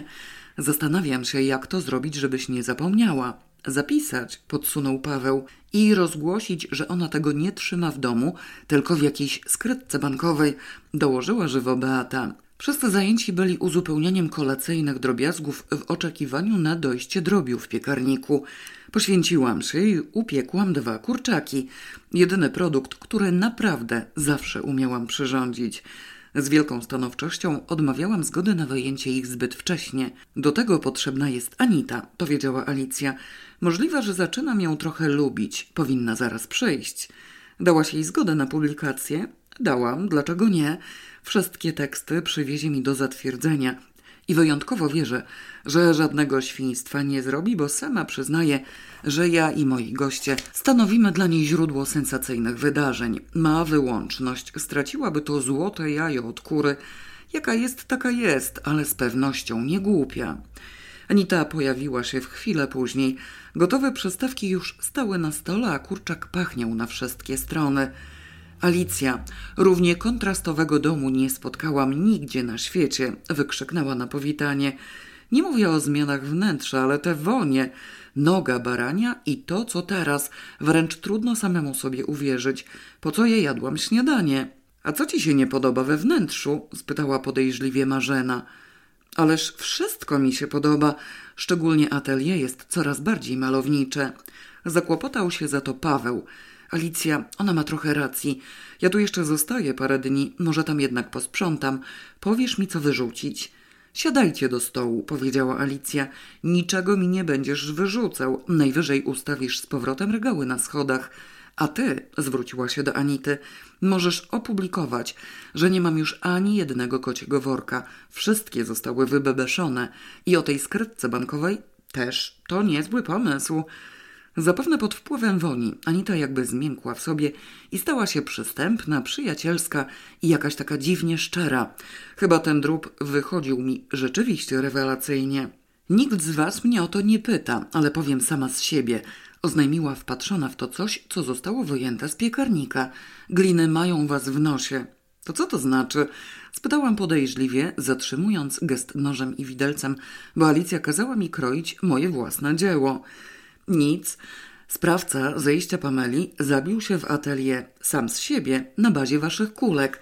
Przypadek wcale nie zamierzają się tym dalej zajmować i zdaje się, że nawet w razie znalezienia tu całego cmentarzyska będą usiłowali ślepnąć, głuchnąć i odwracać się tyłem. Czy możesz wreszcie ukroić kawałek tego? Uruchomiłam ręce, na które trzeba przyznać wszyscy zachłannie patrzyli. Zatrzymałam się jeszcze na chwilę i westchnęłam. A porządek w książkach udało nam się zrobić rzeczywiście wprost nadzwyczajny. Ale coś ty, powiedziała ze zgorszeniem Beata w drodze powrotnej jeszcze przed Gedzer. Jakie znowu dramaty, zwyczajny skok w bok. No owszem, przyznaję, że wyjątkowo atrakcyjne, szczególnie jeśli się dołoży okoliczności towarzyszące, ale nie przewiduj żadnych następstw. Paweł jest uroczy, co nie znaczy, że mam się na nim uwiesić na całe życie. I nie wyszarpiesz go Ewie? Skąd? Mowy nie ma. Jemu na Ewie zależy jeszcze bardziej niż mnie na Julianie. Poza tym, wulkan na co dzień to przesada.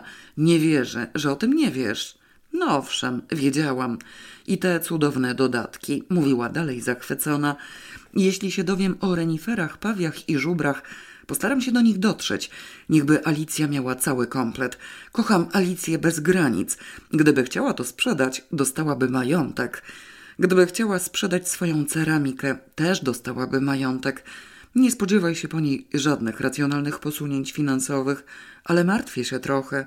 Czym? zaniepokoiła się Beata.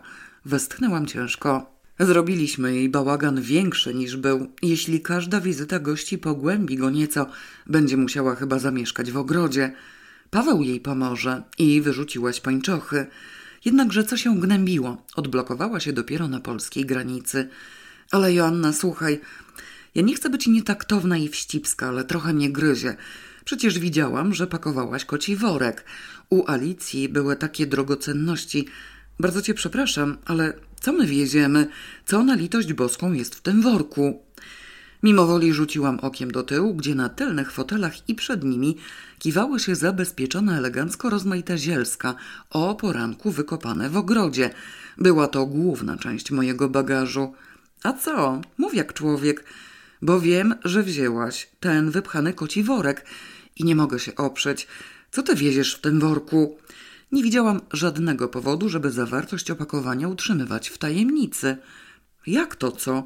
Ziemię do imbiru i akantusów długolistnych. I może wreszcie, po tylu latach, to cholerstwo mi się przyjmie. PS. Dopiero w Warszawie okazało się, że ten od żyrafy to był Karol X.